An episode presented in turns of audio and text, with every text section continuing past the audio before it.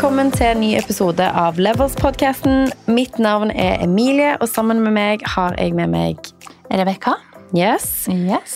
I dag skal vi snakke om eh, personlig økonomi og ting man bør ha på plass for å kunne ha kontroll på sin personlige økonomiske situasjon.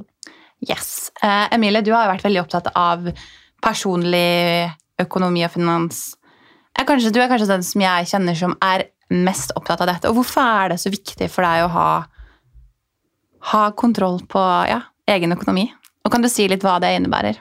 Absolutt. Altså, det er utrolig viktig å ha en god base når man enten skal eh, starte for seg sjøl, eller man skal få råd til sparemålene sine. Så det å ha på en måte kontroll og en oversikt er liksom der man starter, nesten uavhengig av hvilket mål man har satt seg. Om man sparer til noe spesielt, eller man skal ha råd til en tur, eller man sparer opp til en bufferkonto for man vil starte for seg sjøl, så er det viktig å ha kontroll. Mm. Så det å starte med å få en oversikt, tror jeg begynner med å se på forbruket ditt. Hva er det du bruker penger på? Mm. Prøv å lage deg et bilde av hvilke månedlige utgifter man har. Knytta til mat, til kanskje leie eller nedbetaling på lån, eh, Lånekassen, andre faste kostnader. Og når du på en måte har fått deg et fint bilde over det, kartlegg òg inntektskilder. Er man ansatt et sted, så har man én lønn hver måned. Har man kanskje Man selger ting på Theis eller Finn, eller småting som kommer liksom i drypp, eller om man har en sidejobb så man får en fast utbetaling hver måned. Prøv å kartlegge hvilke inntekter man har Så- i løpet av et år. Alle utgifter man har, og alle inntekter man har. Spørsmål. Mm. alle utgifter man har, som du sier nå, leie, typ matvarer, skal man da også sette av liksom forbruk som eh, ja, Hvis man går ut, eller burde man sette av liksom en post til eh, typ kafé-shopping? Altså sånn Jeg tror det er liksom sånne ting man ikke tenker man bruker penger på, men man bruker penger på. Men som ikke er en veldig sånn fast kostnad i måneden. Man bruker jo ikke 1000 kroner på kaffe i måneden, men ikke sant?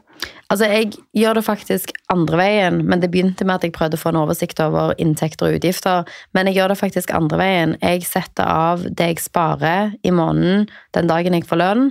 Og så tenker jeg at alt som er igjen etter jeg har lagt av penger til å spare i fond, det er penger jeg kan bruke. Så det er litt sånn uviktig for meg egentlig om jeg bruker 300 kroner på å gå på kafé en måned, eller om jeg bruker 500. Det er bare det at når jeg allerede har betalt ned på studielånet mitt, lagt av sparing i fond, kjøpt enkeltaksjer hvis jeg gjør det, eh, spart til pensjon osv., så, videre, så er jeg liksom ferdig. Så si at du har eh, 10 000 igjen, eller 15 000 igjen når du er ferdig med alt det. Da bruker jeg de pengene til det jeg vil. Er det Ja. noe igjen etter det, så legger jeg av ekstra til sparing. Men det er en måte som jeg har funnet ut at det funker best for meg. For jeg klarer liksom ikke, selv om jeg går litt sånn luksusfellenaktig tilbake i mitt eget forbruk og ser ok, de siste tolv månedene så har jeg gjennomsnittlig brukt 500 kroner på kafé i måneden. Så er det sånn, Ja, så det er vanskelig liksom, Det å er sette av ok, 500 til kafé, 1000 kroner til, eller 2000 til klær, altså sånn, 2000 til reise. Altså sånn, det er vanskelig å kategorisere alt sånn småbeløp, så du anbefaler at man setter opp en pott da, som går til forbruk av div. Mm, det i hvert fall fungerer godt for meg. Jeg tar heller og sier at ok, målet mitt om å spare er eksempel, si at det er 10 000 da. Så når du har spart 10 000, og du har betalt lånet ditt, og du har betalt eh, em, lånekassen og så videre, så bruker man resten etterpå. Det funker for meg. Så det er liksom step 1. Prøv å kartlegge utgifter og inntekter, få en oversikt. Og så er liksom de tingene jeg mener at man bør ha i sin personlige økonomi, er at man eh, bør ha en aksjesparekonto. Det er en konto hvor du kan kjøpe og selge eh, aksjer og fond innad i en egen konto. Det kan man opprette i banken man har, eller man kan opprette det gjennom en eh, annen leverandør som Nordnett f.eks. Mm, Men det er veldig enkelt å gjøre det i banken. Det er veldig enkelt å gjøre det begge steder, egentlig. Ja. Eh, sånn at da har man på en måte en konto hvor man kan eh, kjøpe og selge fond. Så anbefaler jeg dere egentlig, det har vi snakket om før òg, istedenfor å på en måte gå inn og ut av masse forskjellige enkeltaksjer eller masse forskjellige fond, velg et liksom bredt indeksfond som har lave kostnader. Og så bestem deg for et månedlig beløp som du kan spare. Hvis du har sagt at ok, jeg får ubetalt 25 000 kroner i lønn, eksempel, og jeg har eh, leie, jeg har faste kostnader osv. Jeg kan spare f.eks. 3000 kroner. Så sett den spareavtalen den dagen du får lønn, inn i det eh, fondet, og så tenker du ikke på det mer. Når det er uro i markedet sånn som det er nå, det er overskrifter i alle økonomiske nyhetskanaler, alle nettnyhetssider skriver om markedskrasj osv. Bare la være å se på det, spar månedlig, og ikke tenk så mye på det. Og så tenk at du har lang horisont. Disse tingene som du sparer til, eller de pengene som du legger av månedlig, de skal du ikke bruke om to måneder uansett. Du skal Nei, bruke det- dem ti år. Det tror jeg det er veldig mange som lurer litt på her, er Hvis man trenger penger altså sånn et, snart, da, Mm. så er kanskje ikke dette veien å gå. Jeg syns man aldri burde si at å, men jeg skal ha penger om to måneder, derfor kan jeg ikke spare i fond. For det finnes nok av grunner til hvorfor man i hodet sitt lar være å spare i fond. Så da vil jeg heller sagt at da har du to ting. Da har du én ting som du sparer på sparekonto til noe som du trenger penger til om to måneder.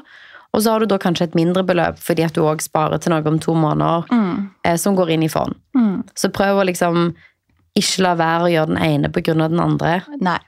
Men eh, ok, så si at man har bestemt seg for å ta litt tak i personlig økonomi, eh, gjøre noen grep, og så bare sitter man der og vet ikke helt liksom, hvor man kan spare, for det er jo veldig mange som sikkert har kartlagt eh, da, utgiftene sine og inntektene sine, og det er lite, lite å gå på. Hva gjør man da?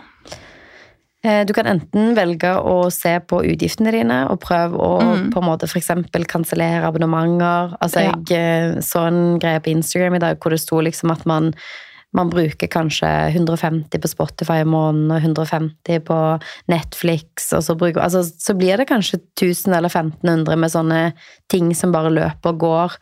Og så tenker man at det har man selvfølgelig råd til, men man har ikke råd til å f.eks. spare 500 kroner i måneden.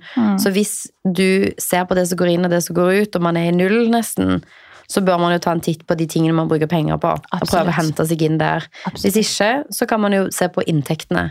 At ok, har jeg muligheten til å ha en sidejobb? Kan jeg ta på meg et ekstra prosjekt? Kan jeg gå inn i boden min og selge ting på Finn for å få en ekstra inntekt? Og prøve å selge ting for kanskje 500 eller 1000 kroner i måneden, og så blir det sparingen.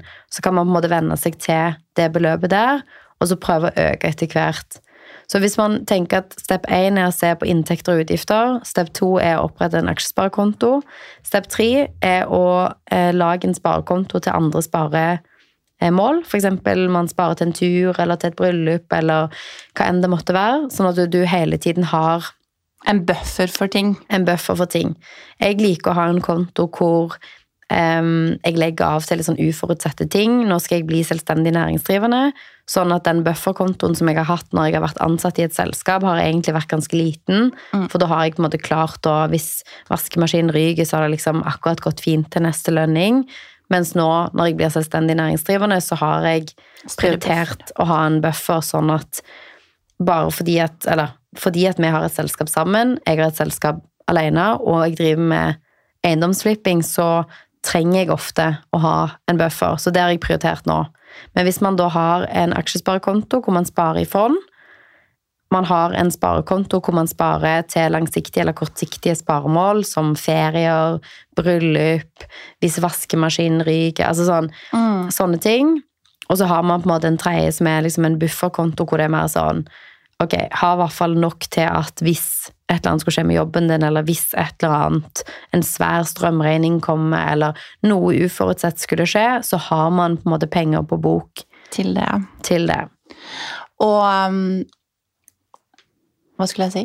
Nå glemte jeg det. Ja. Da har man på en måte lagt opp sånn at man har et sted hvor man sparer i fond. Det kan være i banken din, det kan være på Nordnett, det kan være andre steder. Eh, Man har en sparekonto, og man har en bufferkonto. Og så vil jeg jo anbefalt å sette nøye på inntekter og utgifter. Du kan hente inn masse med bare det å um, tjene et par ekstra tusenlapper i løpet av en måned. Det kan gjøre mye for evnen din til å spare. Og så gir det deg liksom, det gir mersmak. Man begynner kanskje med 500. Altså minstebeløpet for å spare i fond er 100 kroner. Ja, det var det jeg skulle si. At prøv med det lille tall, eller sånn så lavt du klarer, bare for å få inn den, eh, den rutinen, rett og slett. Da, eller få inn det trekket. Mm. Det er et veldig bra sted å starte, og så kan man øke etter hvert. Og så, det som er litt kult med sparing i fond, og det å ha liksom automatikk, at det kommer når du på en måte får lønn, er jo at man blir veldig vant med at de pengene ikke kommer inn på konto. At hvis du får utbetalt 20 000 eller 25 000 i lønn, og du er vant med at du alltid sparer 5000, da er det på en måte det man er vant med å ha igjen, så man bruker mindre òg. Så det er liksom det å trene seg opp i sparemuskelen din, Mm, og på en måte lære seg sjøl å prioritere det. absolutt. At man i liksom hermetegn betaler seg sjøl først, da. Absolutt. Emilie, vi skal snakke masse mer om personlig økonomi og gå litt i dybden på det. Det her var noen raske tips. Mm. Egentlig det som er viktigst når det kommer til personlig økonomi. Mm. Vi skal se på eksempler av personlig økonomi. Dette er vel kontotyper man bør ha, da. Ja. Eh, der eh, Jeg tror veldig mange liksom føler litt på det der eh, ubehaget rundt personlig økonomi. Um, og det bør man ikke. Nei. Det trenger ikke å være så veldig vanskelig. Altså, begynner du med de tre stegene Som som har har sagt her, og prep før de tre stegene er jo å se på inntekter og utgifter, så har du kommet ganske langt på vei. Du har det. Og da har man, eh, da har man riktig, riktig mindset, i hvert fall. Og utgangspunkt. Så det er bra. Bra. Har du noe mer du vil tilføye før eh, denne episoden er over? Bare start. Jeg tror veldig mange har tusen grunner til hvorfor man ikke skal starte, eller hvorfor man ikke skal spare i fond, eller få orden på økonomien. Det er null unnskyldninger, rett og slett. Det er jeg helt enig i. Veldig, veldig bra. Yes, Vi er tilbake vi neste onsdag med ny episode. det er vi. Ok, Ha det! ha det.